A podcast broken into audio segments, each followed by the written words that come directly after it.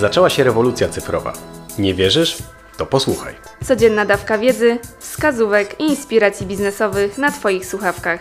W skrócie, bo jak już pewnie wiesz, najdrożej kosztuje czas. A w środku między innymi, jak żabka zdominowała dżunglę, a paczkomat wysłał pocztę na berdyczów. I jak możesz robić to i ty. Z tej strony Ola Paweł I Dominika. z Media 2.0. Nieśmieszni? i niekreatywni. A ty słuchasz właśnie Mało Kreatywni Show. Cześć, witamy Was bardzo serdecznie w kolejnym poniedziałkowym odcinku Mało Kreatywni Show. Mamy nadzieję, że kawa już na Was czeka do wypicia, a my zaczynamy z ciekawostkami. Dominika. Tak jest. Dzisiaj przychodzę do Was z dwiema ciekawostkami dotyczącymi TikToka.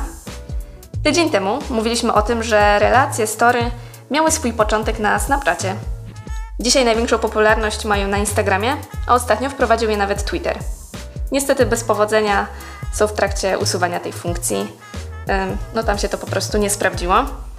E, A ja przychodzę do Was z newsem, którego pewnie większość z Was się spodziewała. Mianowicie story testuje TikTok. Ciekawe, czy się przyjmie. Ciekawe, czy też się, czy się przyjmie, czy też będą wyrzucać. Wyrzucać. Bo na przykład, no właśnie, mówiłaś, że na czym? Na... Na Twitterze. Wprowadzili, ale no jakby nie miało to takiego, takiej popularności jak na, na Instagramie. Nie było klikalne. A tak samo na Facebooku ja też na początku myślałam, że w ogóle totalnie nikt nie będzie tego korzystał, z tego korzystał, a jednak się okazuje, że jest taka garstka ludzi, którzy korzystają z No, facebookowych wydaje, mi się to, wydaje mi się, że to kwestia też takiej jest właśnie specyfiki platformy, że na przykład Instagram bazuje na zdjęciach, można wrzucić kawałek w zdjęciach plus filmach, nie? No bo wiadomo, zawsze można było te filmy wrzucać, to było trochę zawsze gdzieś z boku, ludzie zaczęli więcej filmów robić, więc jest ich trochę więcej. Myślę, że to, że oni chcą się zmienić w apkę filmową, to to im nie do końca wyjdzie. Nie, jedyny chyba o tym tak myślę, e, ale no przede wszystkim były właśnie zdjęcia plus filmy i jakby te storiesy to jest ten sam świat. Na Facebooku poniekąd ten sam świat. Natomiast Twitter zawsze był 150 znaków pisu pisu na razie. Jeżeli ludzie są przyzwyczajeni, że wyskakuje im powiadomienie, wyskakuje im tweet, mogą zrobić retweeta czy coś, coś w tym, zasadzie w tym formacie, bardzo szybko, krótko i sobie odpisać, no to ja nie wiem, czy to mm, warto testować, nie? Różne rzeczy, ale wydaje mi się, że to po prostu też nie do końca jest taka specyfika platformy. Ludzie czego innego tam potrzebują, czego innego szukają. No tak, Twitter jest bardziej branżowy i niekoniecznie może ludzie oczekiwali tam sweet fotek, tak? Tak. No na TikToku nie wiem, szczerze mówiąc ja nie jestem do końca przekonana. Uważam, że ta platforma i tak wygrywa.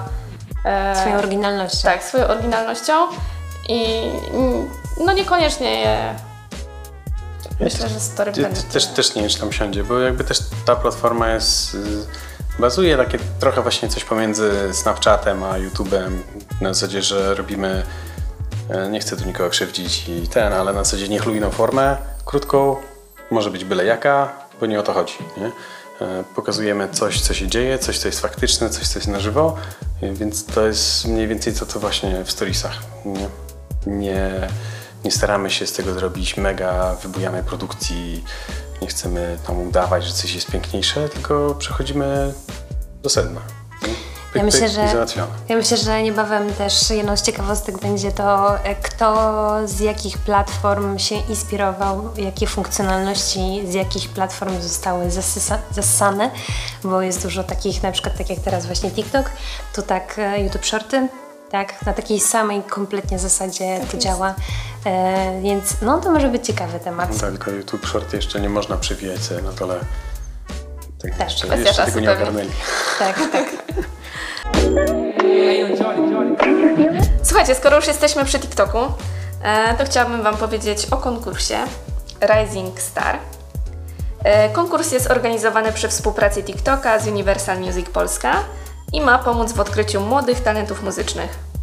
Aby zostać gwiazdą, po pierwsze trzeba mieć skończone 16 lat, a po drugie trzeba nagrać się jak się śpiewa, wrzucić to i ohasztagować e, hashtagiem Rising Star. To my chyba jeszcze się nie załapiemy niestety.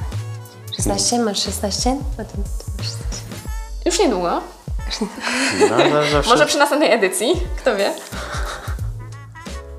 zawsze jakoś się udawało w tym sklepie tego browara kupić.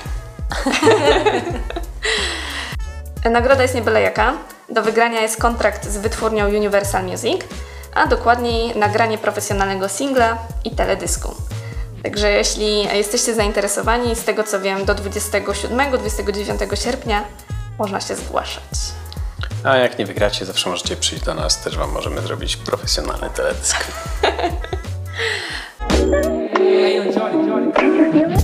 No dobra, e, no to teraz e, taki bardzo też ciekawy i w sumie na topie temat. Mm, To jest temat NFT, który chcielibyśmy poruszyć, opowiedzieć chwilę w ogóle, co to jest, o co w tym w ogóle chodzi. Także Tak, NFT, Non-Fungible Token. E, Jeżeli ktoś przespał kryptowaluty, no to to jest jakby kolejna, powiedzmy, edycja bazująca na blockchainie. No i to może tak bardziej, zamiast się zagłębiając w definicję, to może tak bardziej praktycznie. praktycznie. No dobra, no więc, y, więc jakby tak chyba najbardziej praktycznie życiowo, e, to może, może od porównania zacznę. Tutaj można było sobie kiedyś coś kupić w, w real life, w normalnym świecie, w codzienności. Kupujemy sobie książkę, czy kupujemy sobie obraz, czy kupujemy sobie płytę z muzyką. To, to NFT jest czymś w zasadzie takim samym, tylko w świecie cyfrowym. Czyli kupujemy sobie mm, kawałek i tu zależy od twórcy, czy to będzie zdjęcie, czy to będzie obraz, czy to będzie cokolwiek innego, e, z, certyfikatem, że jest to nasze. Nasze i tylko nasze i nie może być niczyje inne, bo jest to jedyna niepowtarzalna wersja tego danego NFT-sa Czyli działa. dzieła. No i cały PiS polega na tym, że nie jest tylko coś takiego, znaczy można cofnąć się trochę w czasie i, i NFTsy można już było zobaczyć jakiś czas temu, tylko chyba się jeszcze nie nazywały po prostu tak. Mm, tak jak na przykład w gierkach online'owych można było sobie grać za free w gierkę, ale jeśli chciało się mieć fajne wdzianko, żeby tego ludka sobie ubrać, albo mieć super czapeczkę, albo fajne budki, które się świecą, albo jeszcze coś innego, się kupowało, nie? trzeba było wpłacić normalną kasę do giery i sobie kupić to wdzianko i ono jest wtedy nasze i tylko nasze. Jak ktoś inny chce sobie kupić, to musi sobie sam kupić albo na przykład jakoś upolować, w sensie, że na przykład są niepowtarzalne wersje tych ubrań e, i wtedy wiemy, że to ubranko może być tylko nasze, nikt inny nie będzie miał takiego samego, ale musimy za nie zapłacić. I czymś podobnym właśnie jest NFT. To jest dobro cyfrowe, które możemy sobie kupić i jest ono tylko i wyłącznie nasze. Times sprzedał za 60 tysięcy baksów okładkę NFT. Czyli ktoś kupił sobie okładkę Timesa, która jest tylko i wyłącznie jego za 60 tysięcy dolarów. Byłem na Clubhouse'ie, na którym, który był otworzony podczas trwania aukcji Timesa, kiedy Times sprzedawał swoje okładki. I, I ludzie mogli licytować, za ile chcą kupić okładkę Timesa. E, Bardzo ciekawe to było doświadczenie. No, pierwszy raz w życiu wziąłem udział w takiej aukcji NFT. No, to była jedna z pierwszych takich dużych sprzedaży w ogóle NFT. Ale poczekaj, że aukcja odbywała się tylko i wyłącznie na Clubhouse'ie? Chyba nie, ale było to połączone. W sensie aukcja, był pokój otworzony i ludzie z Timesa e, opowiadali o tym, o tych okładkach, że są specjalne edycje, że coś znaczą i tak dalej, i tak dalej. Jakby była cała tutaj ta historia, e, etymologia tych okładek. E, No i można było również sobie w trakcie tego kupować. Mówili po ile teraz właśnie są licytacje i No dobrze, czyli na przykład jeśli bym kupiła taką okładkę, to mam już prawa do tej okładki. Tak. Jeśli ktoś chce wykorzystać, to powinien zgłosić się do mnie i powiedzmy mi za to zapłacić. Za taką cenę, jaką ja sobie ustalam. cyfrową wersję, tak. Tak, bo masz to, jesteś właścicielem tego, więc e, tak, tak. Nie autorem, ale właścicielem, ale generalnie tak. Natomiast te NFTsy można wykorzystywać do przeróżnych celów. Można na przykład właśnie tak jak Times sprzedał sobie okładkę e, i fajnie. Natomiast są ludzie, którzy sprzedają na przykład NFT i NFT możesz kupić tylko i wyłącznie, to dane NFT możesz kupić tylko i wyłącznie w ich kryptowalucie, więc napędzają sobie dzięki temu ekosystem swojej kryptowaluty. E, I za ten NFT możesz coś dostać. W sensie dostajesz dostęp do czegoś albo dostajesz jakieś specjalne specjalne bonusy. Na przykład, nie wiem, masz jakieś e, lekcje, masz jakiś czas prywatny z kimś, w zależności od tego, jakie NFT kupisz, masz różne pakiety. Albo też świetny jakby przykład, bilety na koncert. Teraz są drukowane, ale lada moment, bo coraz więcej ludzi wchodzi w, ten, w, ten, w tę stratosferę właśnie NFT. Będą sprzedawane NFT zamiast biletów fizycznych. Przestanie być ten cały druk tak mocno rozpowszechniony i jak chcesz pójść na koncert e, gdzieś tam kogoś, no to musisz kupić NFT, przychodzić z NFT do bramki, pokazujesz i... Będą, będą na koncert przychodzić z takim obrazkiem na przykład Pokemona, nie? No na przykład. Czyli to jest taki certyfikat własności, tak to można nazwać. Tak, Tak, certyfikat, tak. I który jest niepowtarzalny i przypisany tylko do ciebie. Czyli też nie będzie tak, że ktoś wchodzi sobie na koncert, ale wyjdzie sobie zaraz i znajomy wyjdzie, a potem jeszcze jeden znajomy, czy pięciu, bo wejdziesz i tylko ty wejdziesz, bo to jest twój certyfikat. Ale też jest taka jedna jeszcze fajna sprawa, że można dalej jakby sprzedawać te dobra, te certyfikaty, tak? Czyli e, te dobro, tak, na przykład ten obrazek bądź coś może być jakby mm, sprzedawane dalej. Tak, to jest bardzo fajny patent, że jakby też nie ma czegoś takiego, że kupisz sobie płytkę YouTube, posłuchałaś, posłuchałaś, znudziła ci się i co, wyrzucasz do kosza, nie? Albo wkładasz na półkę, to sobie leży się kurzy. No nie ma problemu. Możesz ten NFT, który ci daje dostęp do tej muzyki, sprzedać komuś. Już wtedy ty nie masz jakby tego dostępu, ale ktoś inny ma. Czyli mogę sprzedać, tak sobie próbuję to wyobrażać i na swój język przetłumaczyć.